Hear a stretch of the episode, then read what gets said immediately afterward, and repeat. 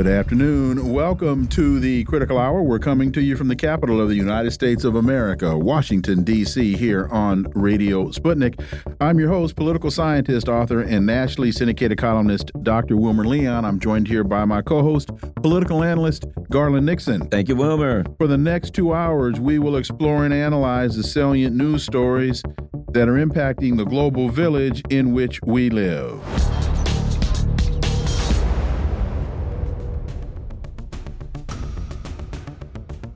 CNN reports President Joe Biden has an electoral path problem to solve.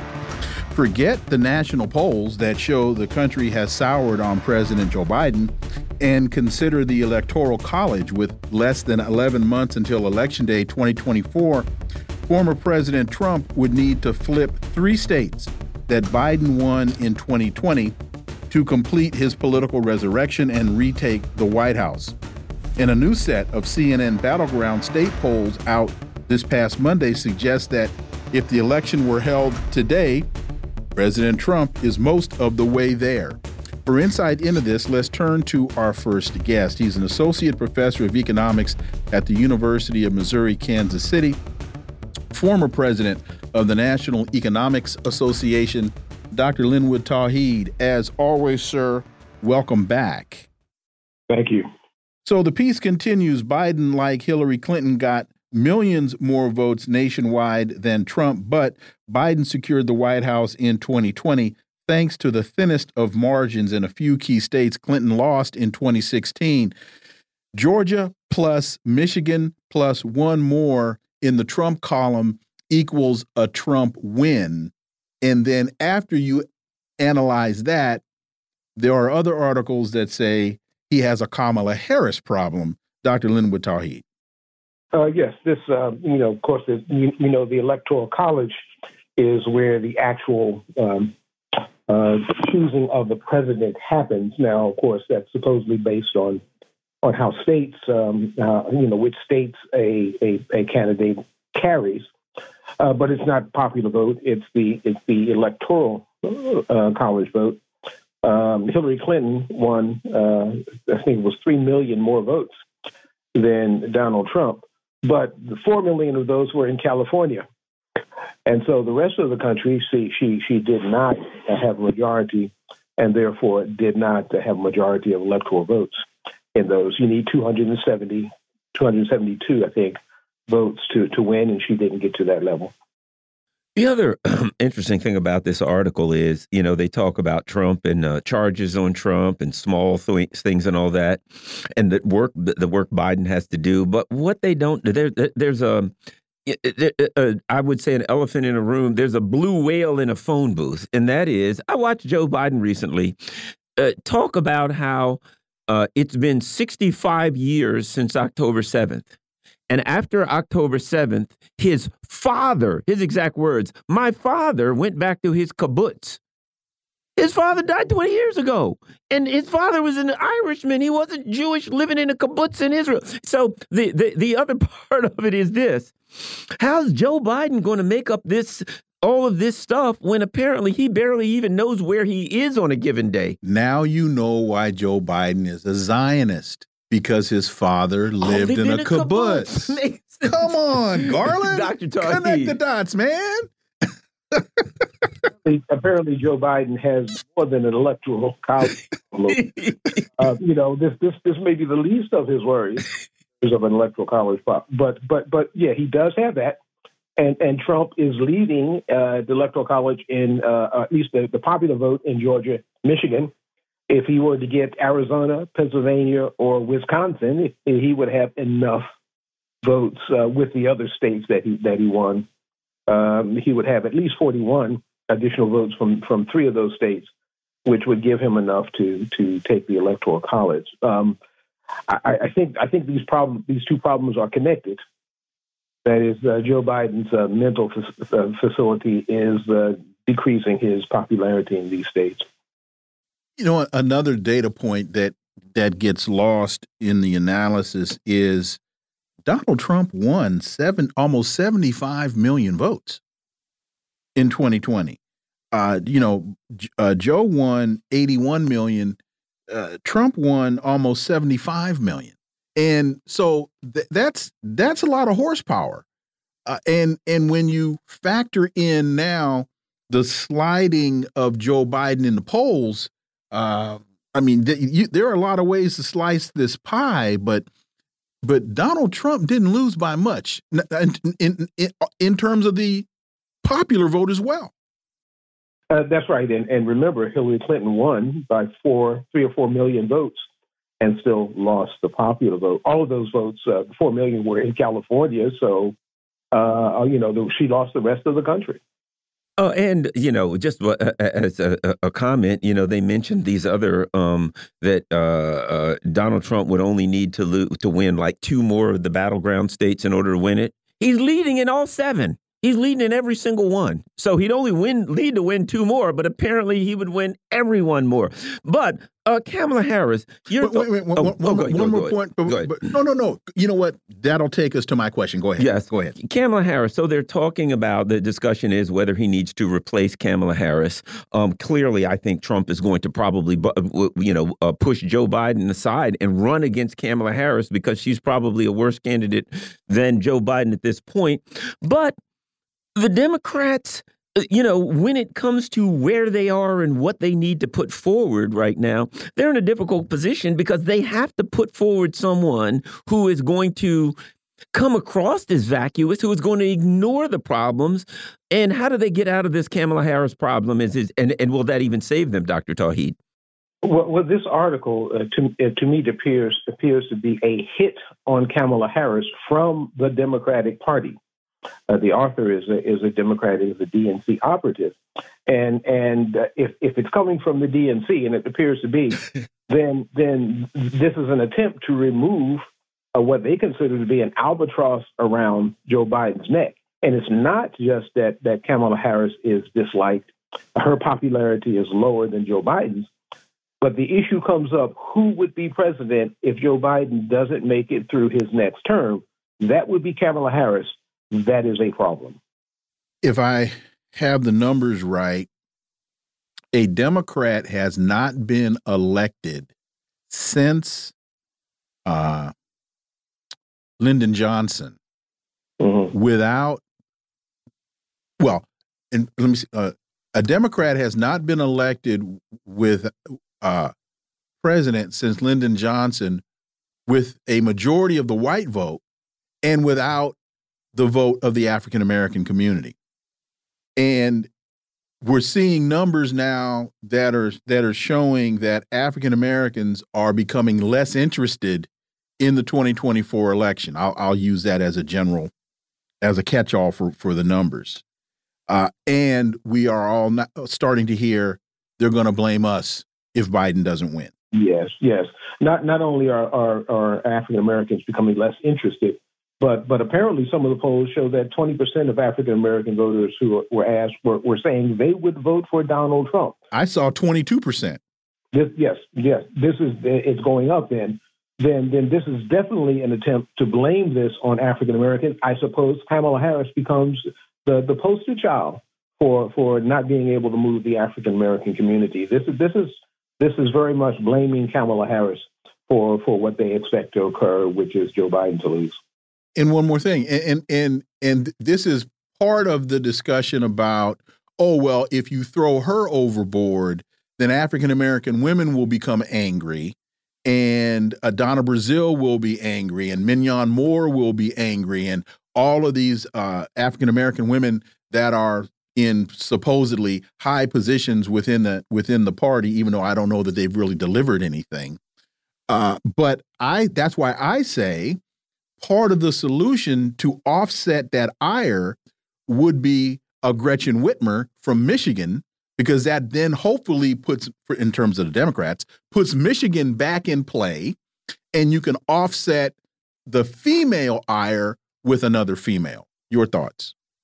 Uh, yes, of course. You know this this piece is is very much directed at African Americans. It's it's it's directed to let us know how terrible a prosecutor and attorney general uh, Kamala Harris was. And so when Kamala Harris is overthrown for someone else, we should not be um, uh, concerned about that. We, we in fact should be happy that she's not in position to be to be president. So so it is very much aimed at uh, attempting to assuage the anger of the African American community when there's a replacement for Kamala Harris.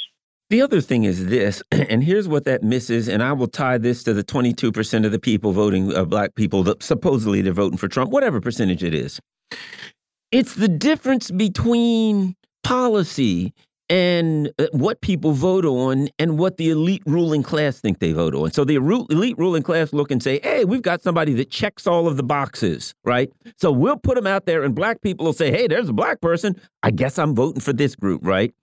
As opposed to people who say, man, when I used to go to the store and buy milk and eggs, it cost me $4. Now it costs me 12 And wrongly though it may be, they look at Donald Trump and they say, well, when this guy was in office, I only paid $4. Now they associate that. I'm not saying it's causation.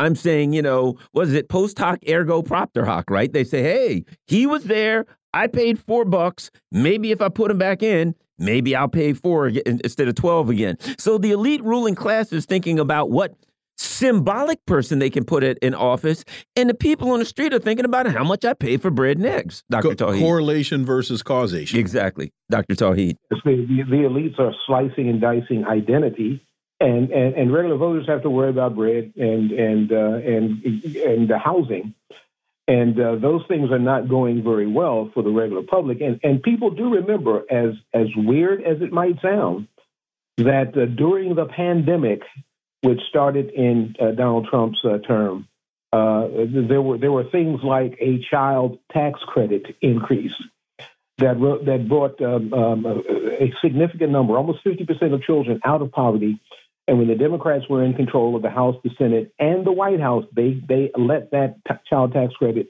um, ex- expire, and 50 percent. Uh, there was an increase in child poverty and general poverty uh, of, of 50 percent. People remember who was in office when their when their uh, times were better or worse. I'm going to tie a couple of uh, stories together.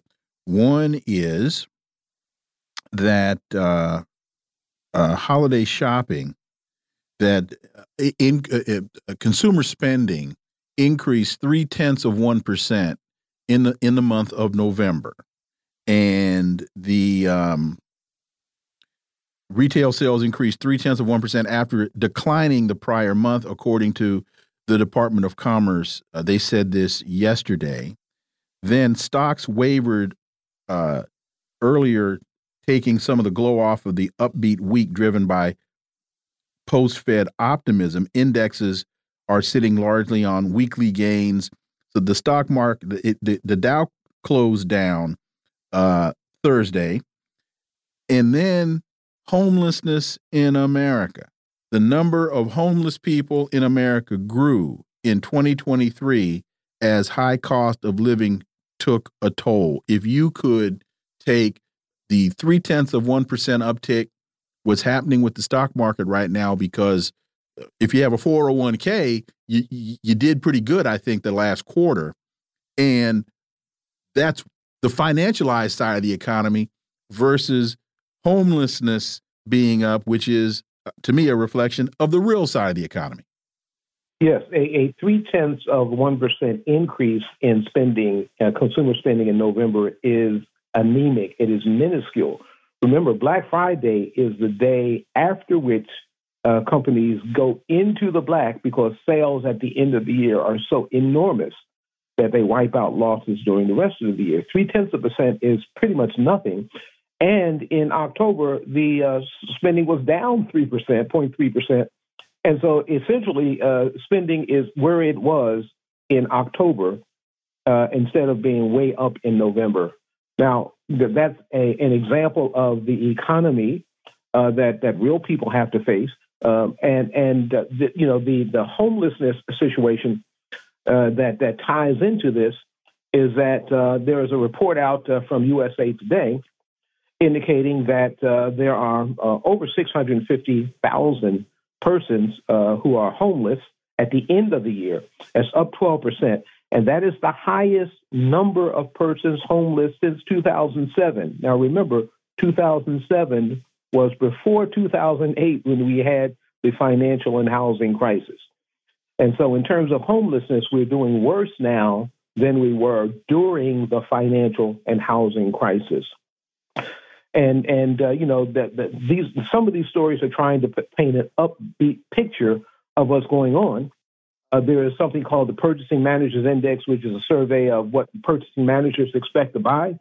Services is up, but manufacturing is down. Now, manufacturing is a central uh, point of Joe Biden's Bidenomics. It is not working. Dr. Tauheed, the other thing about homelessness too is the, the, and this isn't necessarily it can't be found in the numbers. There's a quality of life issue, right? Because a, a, a friend of mine, the misery index, right? A, a friend of mine, his daughter, um, got out of college and moved to San Francisco. She was in the city and moved out. She did, you know, her and her husband both went up there for residency. They were in medical school and they were in the city. And then after, as soon as they could, they got out and they talked about it, just quality of life. You know, there's homelessness people everywhere. There's concern about disease and all kinds of unsavory things around. Stores are closing. Um, this, you go in the store, everything's locked up from theft. And so there are the issues such as homelessness, particular. Well, we can look at the numbers and count the numbers, but the misery index for homelessness is not just for the homeless people; it's for the people who have to live around and deal with that level of um, deterioration, so social and, and, and, you know deterioration. And, and, let me just give a, a real quick anecdote to that. I went. I'm from California. Mm -hmm. I went home last year and last December and the homelessness that I saw, the crime, mm -hmm. Uh, what they even what they said to me at the airport. The woman at the car rental counter was warning me about carjacking before I got to my car. And after being home for two days, I called my wife and I said, This is the first time in my life that I have come home and not felt safe. Now, that's just anecdotal, but what I saw in my own neighborhood and in the neighborhood of my my extended family, just being in the city of Oakland, I did not feel safe. Dr. Tauheed. Yes, and, and you're you're not you're not by yourself on that. Uh, this is a widespread problem. It's it's not just a California problem, although uh, Republicans uh, wanted to a California problem. It is also a Florida problem. It's a Texas problem. Mm-hmm. Certainly a New York problem. And, and New York is, is, of course, experiencing transfers of migrants from Florida and, and Texas into New York City. And New York City is unable to, to, to house them, unable to feed them. There, you know, and so and so the misery is well distributed across across the U.S. and it's not it's not just in one place, and it's it's there for everyone to see while instead of, of, of acknowledging the fact and trying, at least trying to, to think about policies that you would do, uh, put in place to eliminate homelessness and other kinds of things, the Biden administration is, is whistling past the graveyard, if you will, to use that, that as a metaphor. Bidenomics is working. Well, it's not working. And everyone knows that, that there is no plan for the, for, for the uh, middle class or, or, or the working poor. Uh, there is a plan for the wealthy, and uh, and and so that that continues on, and people are not confused. I was going to say, and if you look at what's happening in the UK, Germany, France, on and on, you start to think about this terms like the crisis of overproduction, wherein you got all these houses being built and all these houses but nobody can afford the houses, wherein you get to that crisis of overproduction point where the working class can no longer afford the things that they produce. And it seems to me that seems to be widespread throughout the U.S. empire, Dr. Tauheed. Yes, and, and, and, and particularly in housing, mostly since, since 2008, but continuing on, as persons are being evicted from houses because they can no longer afford them, we have um, housing uh, uh, companies that are buying them up, not to resell, but to rent them. And uh, that the rental rates are going up uh, sky high. So persons, you know, persons who are evicted from their homes uh, can't can't can't afford the rent in a new house. That that's that's not a situation that's happened before 2008, but that is the current state, and it's getting it's getting worse. And there is no government housing policy to address that issue. Dr. Linwood Tauheed, as always, thank you so much for your time. Greatly, greatly appreciate that analysis, and we look forward to having you back. Thank you. Folks, you're listening to the Critical Hour on Radio Sputnik. I'm Wilmer Leon. I'm joined here by my co host, Garland Nixon. There's more on the other side. Stay tuned.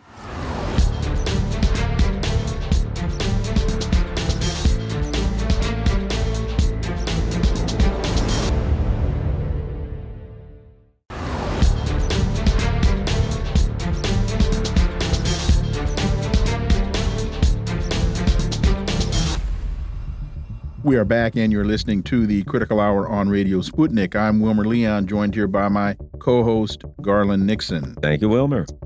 The Washington Post reports uh, Sullivan says war will take months as the IDF recovers bodies of three hostages. The U.S. agrees with Israel that the war against Hamas is going to take months, White House National Security Advisor Jake Sullivan said today while in Tel Aviv, adding that he discussed with Israeli leaders plans to transition from the high intensity phase of Israel's offensive in Gaza to more targeted operations. I guess that's a kindler, gentler genocide.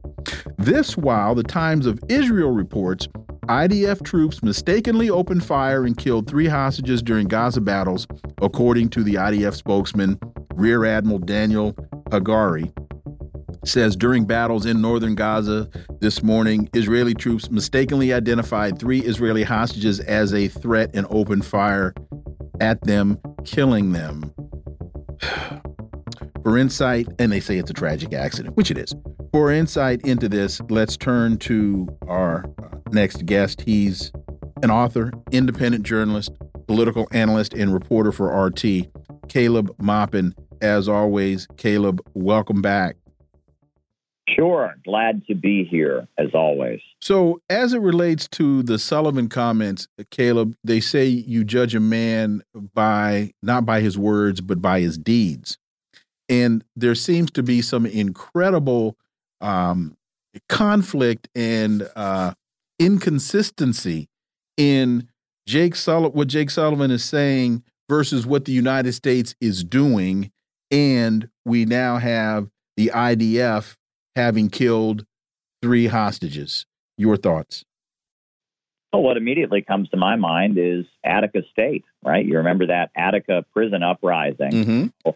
They stormed in there and killed the hostages. Uh, you know, the whole the whole thing was to rescue the hostages, and it was it was the U.S. government and its its state troopers and military people that killed the hostages. And for a long time, they tried to blame the death of the hostages on uh, on the prison rebels at Attica State, uh, and you know claim they'd slit their throats, et cetera. But the evidence just you know continued to point toward the fact that no, uh, they were killed by the U.S. government that was supposedly going in to rescue them.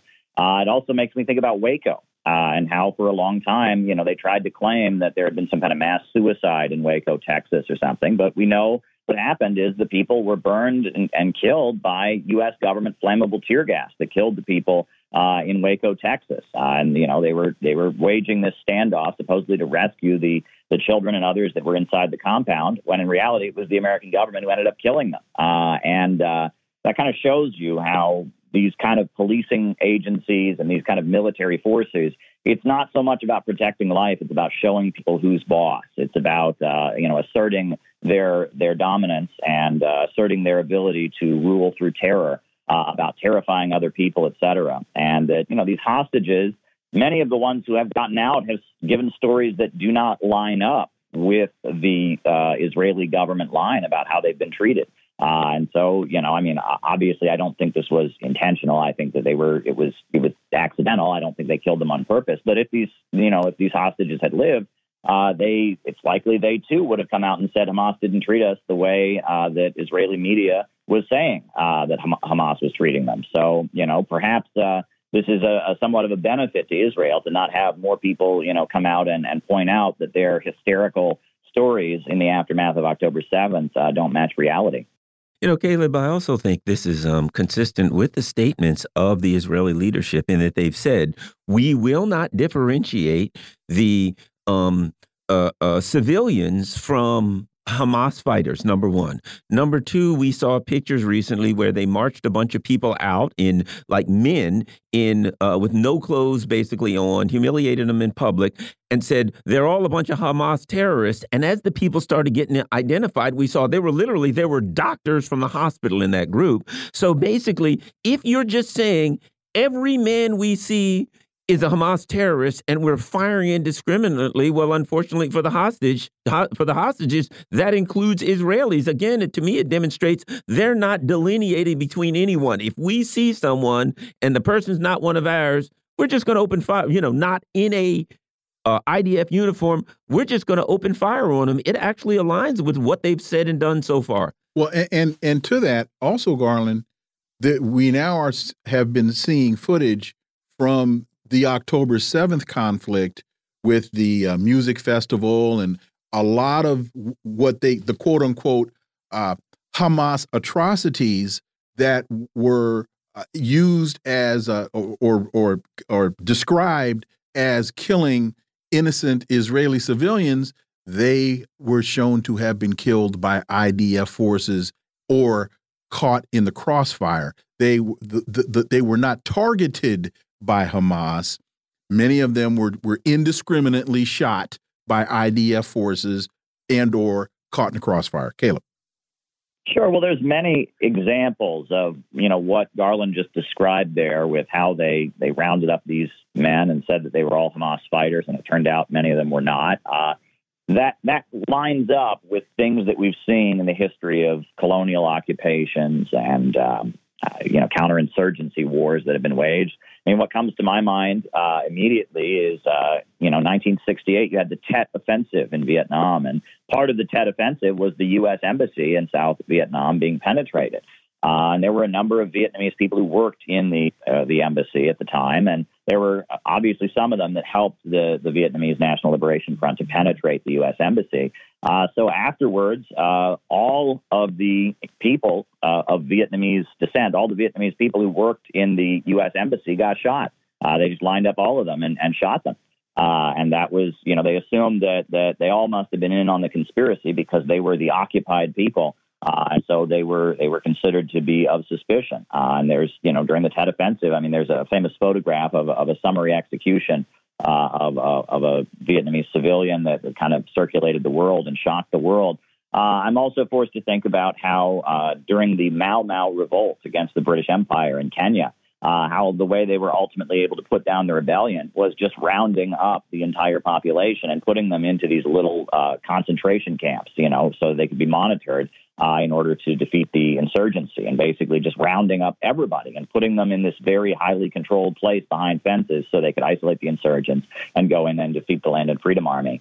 Uh, so, I mean, these are the tactics that are used by colonizers and colonial occupiers when they're trying to assert their dominance. And what's weird is that there's been so much uh, since the end of the Cold War and so much really since the defeat of the USA in Vietnam about trying to change the optics right? Realizing that these kind of optics, this kind of ugly brutality, makes the population sympathize with the insurgents. Uh, it tends to make the anti-colonial fighters more popular, and there's been huge amounts of, of writing. You know, uh, William um, uh, William, uh, uh, I forget his name actually. His name is escaping me, but he talks about fourth generation warfare, and he wrote all kinds of uh, you know, diff, uh, William S. Lind is his name. He wrote, wrote all kinds of handbooks, uh, you know, about fourth generation warfare for the USA and Iraq. And there's a lot that's been written about trying to end these kind of ugly optics where it looks like the occupying army versus the entire civilian population. Uh, but that's what we're seeing here because that's really what it's about when you have a colonial occupying force. Uh, I mean, that's really what it is. And as much as you try to conceal it and make the optics otherwise, that's still what's happening.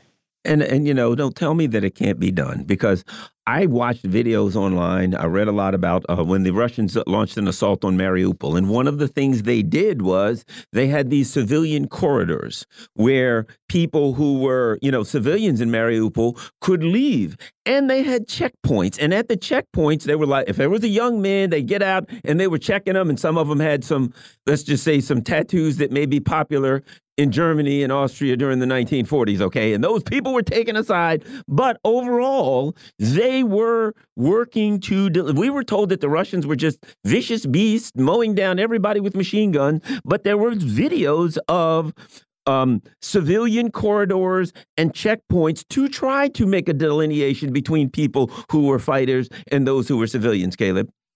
Indeed. And what we also saw is in the Ukraine situation, we saw the Ukrainian forces shooting people as they entered the civilian corridors because they wanted there. They want them wanted them there to be uh, human shields. They wanted them there uh, for propaganda purposes. And you know, a number of people who tried to flee through those civilian corridors were shot in the back by Ukrainian forces.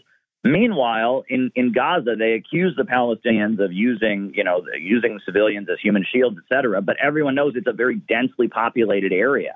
Uh, I mean, they're just packed in there, and they order the population to leave, and the population has nowhere to go.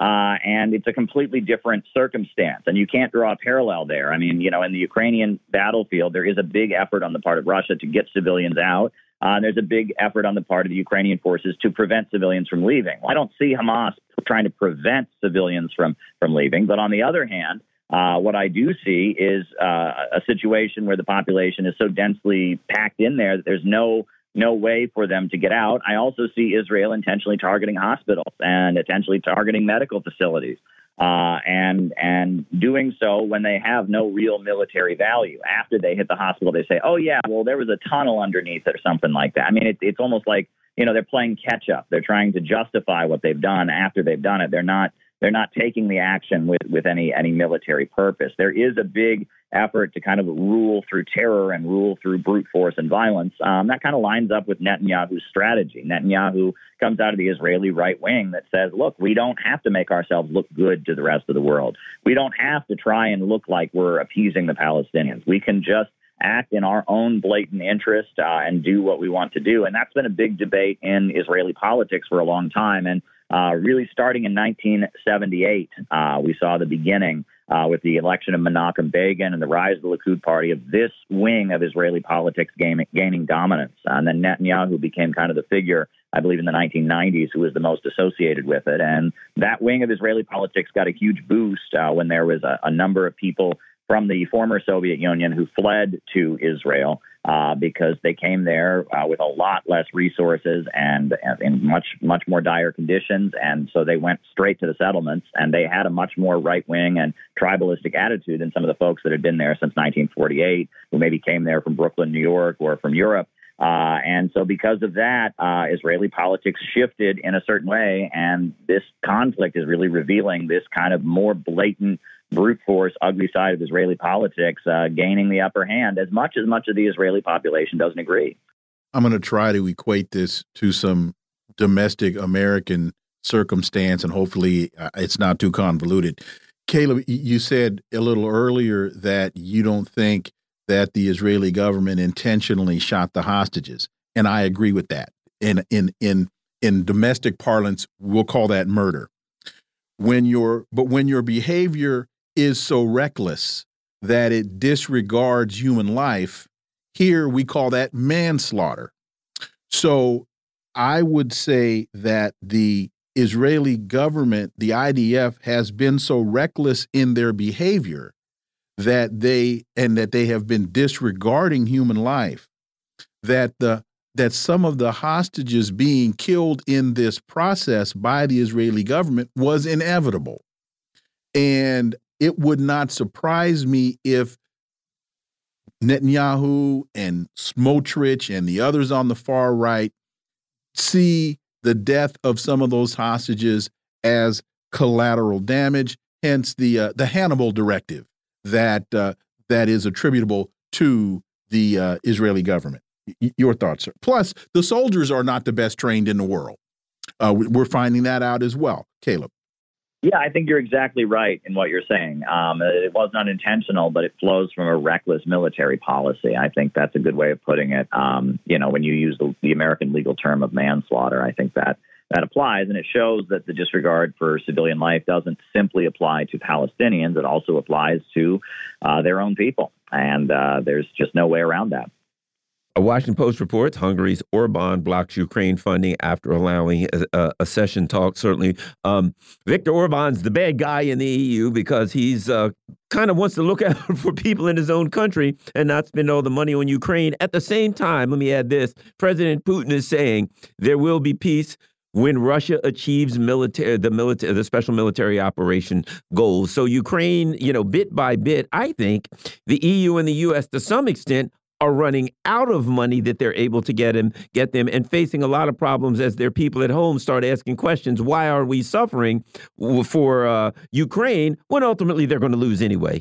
Well and also what we know that President Putin said yesterday he called out Orban as one of the few leaders that is that is interested in his own self interest in the in the self he's a nationalist. He's working in his national interest he's not necessarily a puppet for the West.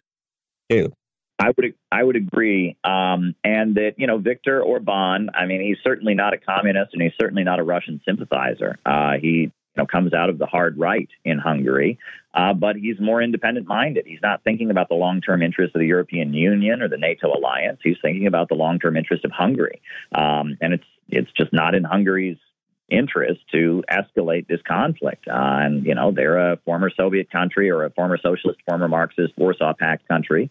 Uh, and they, uh, you know, they have their differences with Russia, but they're looking at the, at the long term here and they're saying we won't benefit. And so, uh, you know, we're not as excited about this as we're supposed to be. We're not following the EU, NATO, uh, you know, Brussels line on this issue.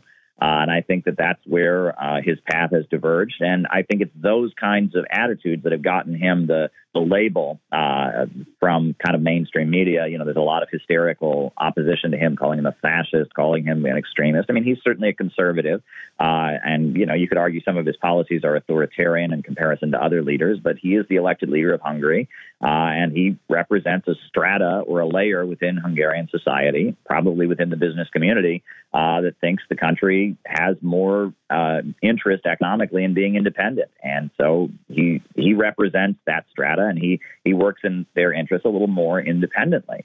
Um, and I think we're going to see more leaders like this uh, around the world in particular, but even within the European Union, I expect, uh, because the long term economic crisis is going to have many countries uh, and many of the national business interests of countries saying, okay, now our, our long term interests the same as the World Bank and the IMF and, and the European Union, or are they separate? And many business owners and many wealthy people are going to say, well, I think they're separate.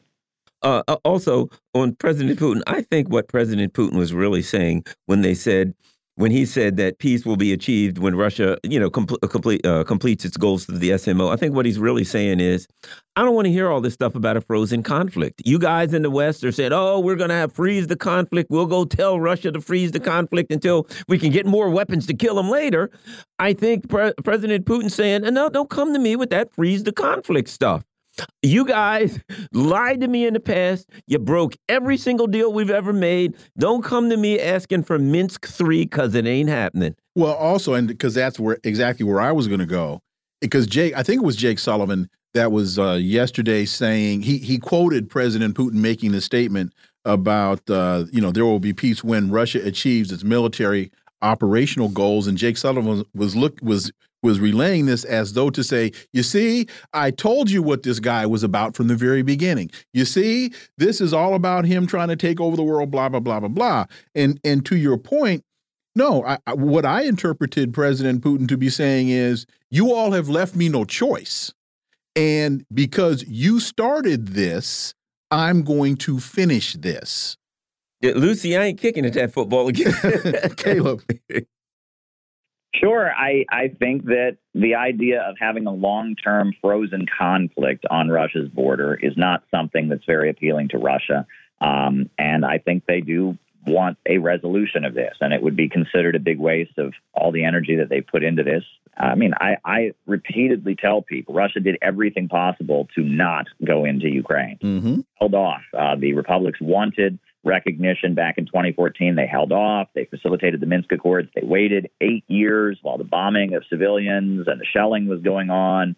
Uh, they waited and they waited and they waited, and now they've gone in. And I think they're they're saying when we when we pull out, you know, when we when we end the conflict, I guess I should say. Uh, when the fighting de escalates, it'll be on terms that we're ready to accept. It won't be uh, a long term frozen conflict. And that makes sense to me.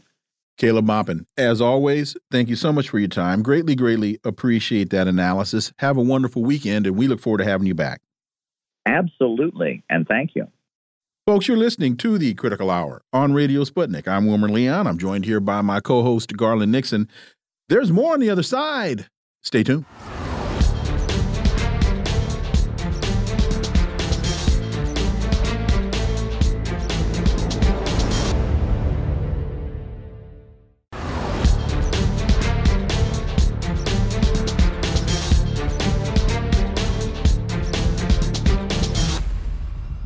We are back, and you're listening to the Critical Hour on Radio Sputnik. I'm Wilmer Leon, joined here by my co host, Garland Nixon. Thank you, Wilmer. Government shutdown in January looms as Congress looks to head home.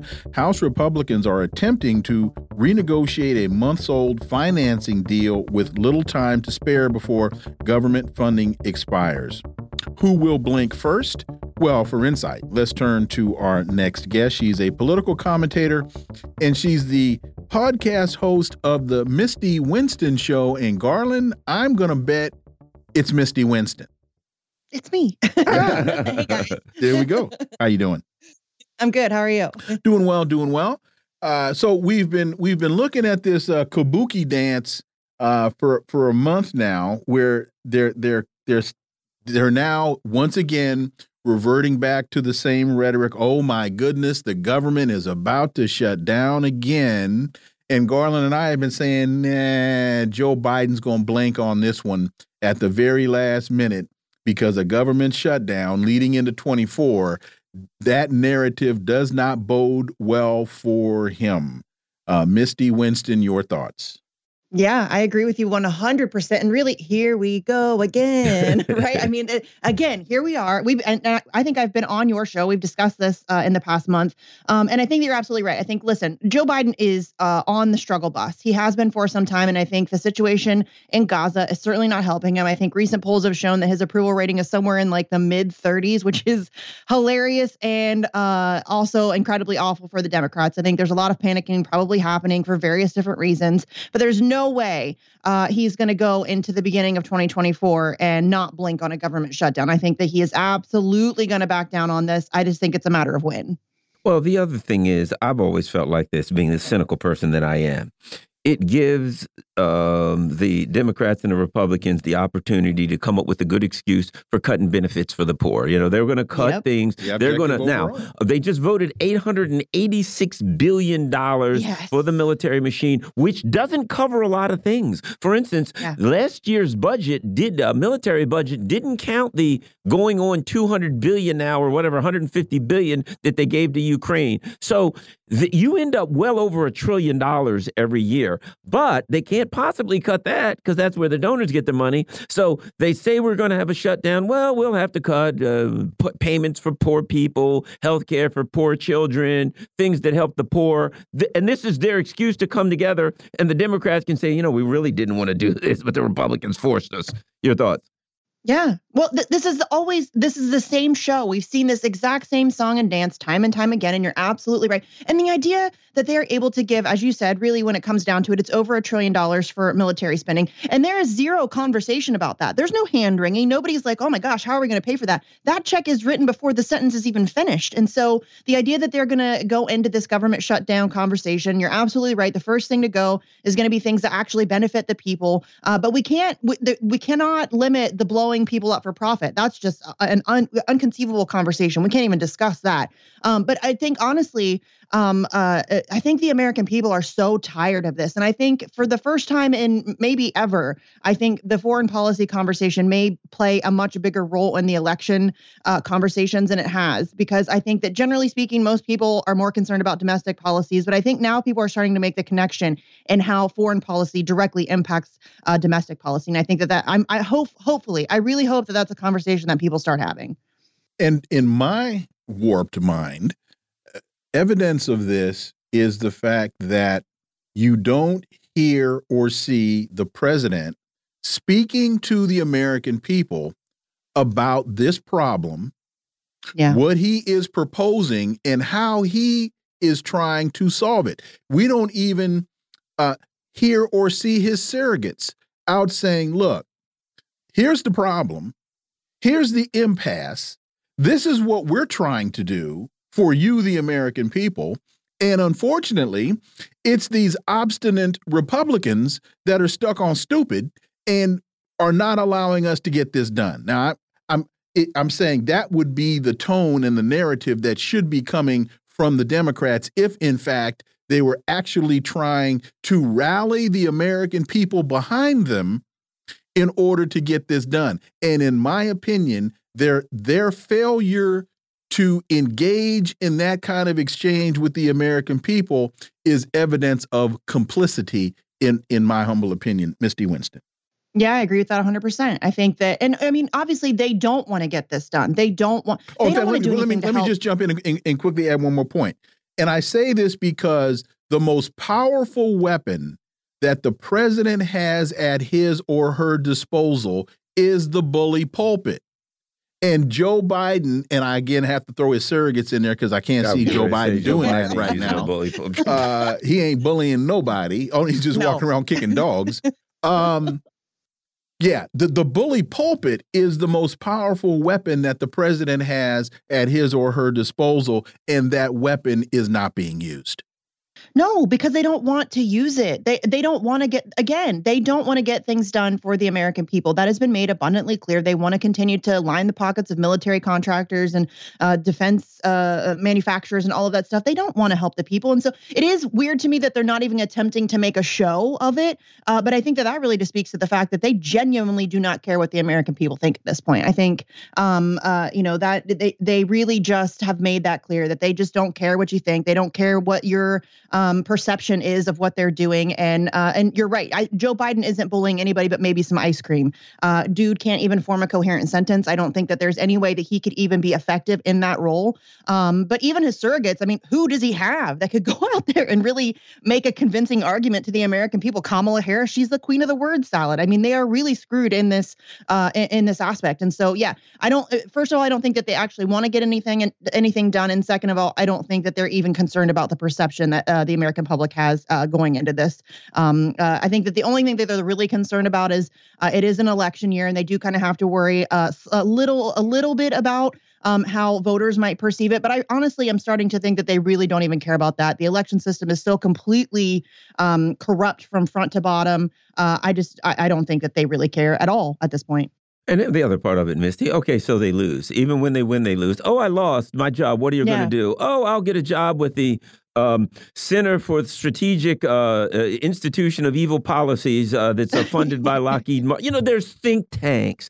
MSNBC yeah. is going to hire him. If you if you lose to somebody by 90 points, like say Claire McCaskill, I can guarantee you that MSNBC is going to hire you within an hour to come in there and and to preach to other candidates like Claire McCaskill to preach to other candidates about how they should win. Misty, right? Or like Hillary Clinton. Hillary yeah. Clinton is now joining the Biden administration. The lady has uh, she doesn't win anything. She she handpicked you, no, her own opponent and campaign. then lost. The campaign. I mean, yeah. The Biden campaign. Yeah. Yeah, she yeah she joined the Biden campaign. I'm sorry, but yes, uh, it is uh, amazing to me that um, you're. But you're right. They it doesn't matter um, uh, as long as the donors win, they don't care. Um, uh, they will win regardless. They will be able to uh, you know go to some think tank or some lobbying group or some whatever. It doesn't matter. They'll be able a Wall Street bank or whatever. They're going to be fine. They don't care, and so all they care about is really just protecting their donors. Um, and that's exactly what they're doing here. Well, and switching gears. Uh on on this a bit, we now turn to the the Washington Post says still lacking evidence. House Republicans vote to formalize Biden impeachment inquiry. And let's also add to this the Hunter Biden discussion uh, because Hunter Biden comes on the steps of the uh, of the Capitol facing contempt of Congress charges for not going into a to a private uh, to to provide private testimony, and he lies on the steps of the Capitol to the about you know oh my data was stolen and all of these other kinds of things. they've got enough inform credible information to pursue Hunter Biden, but I think the Republicans are concerned about exposing the FBI for not doing its job, and that to yeah. me ties in. I, I, I think that the uh, that the Biden impeachment issue is um, is uh, is it is a political stunt by the Republicans, but contrary mm -hmm. to what Joe Biden says, it's not baseless. There's a base no. for it, but it is a political stunt. For sure. And listen, I'm so tired of impeachment inquiries. I mean, is this just going to be our uh, uh, this this is just how we're going to do it every every president we're just going to have different uh, multiple different impeachments throughout their uh, tenure. It's just so exhausting to me. We did this with Trump, we're doing it with Biden. It's I feel like and if Trump gets elected again, which is incredibly likely, we're going to see it happen again. I feel like that's just it's a snowball effect. But yeah, there is absolutely uh, the, the, way that the Washington Post couches this as if it's uh, completely free of any evidence whatsoever is completely ridiculous. We I think we've talked about about it on this show. There's a whole host of evidence. There's a mountain of evidence uh, that shows that Joe Biden was incredibly involved in the corruption involving his son. There's no question about it. I think um, I think you're right. I think Republicans are a little hesitant in exposing the FBI, given you know the relationship that they have with law enforcement. Um, but I think that there it, there's absolute to call it baseless or to say that it's lacking of evidence. We just saw Alexandria Ocasio Cortez go in front of a bunch of press and wave her arms around as she does, and uh, you know uh, be incredibly hypocritical, talking about how the impeachment is a waste of time and it's a distraction from uh, Republicans not having passed any substantive legislation as if she's one to talk about that. You know what I mean? It's but it is it's all a show. It's all a distraction. And again, as we move into an election year, this is the kind of stuff that we're going to see. This is all a dog and pony show. It's a soap opera with psychopaths. Um, and it's just such a waste of time. And if it were serious, if it were a legitimate inquiry and there was going to be an actual substantive investigation where there was going to be accountability, I would be all for it because there is, in fact, evidence to support corruption with the Biden family in general, and in particular, Joe Biden that's not what we're going to see. It's just a distraction. It's a time waster, um, and it's just a thing. It's just a, a source of more division, and that's it's just very frustrating. Well, here's the thing that we know: they can't touch Biden because that's the way things are done. No, this is you know right. it's on right. Capitol Hill. Every single one of them, you can literally yeah. they're like you can go online and like follow Nancy Pelosi's um, stock. This they, they have like her stock tips and stuff that you can go by because nobody does as well as Nancy Pelosi.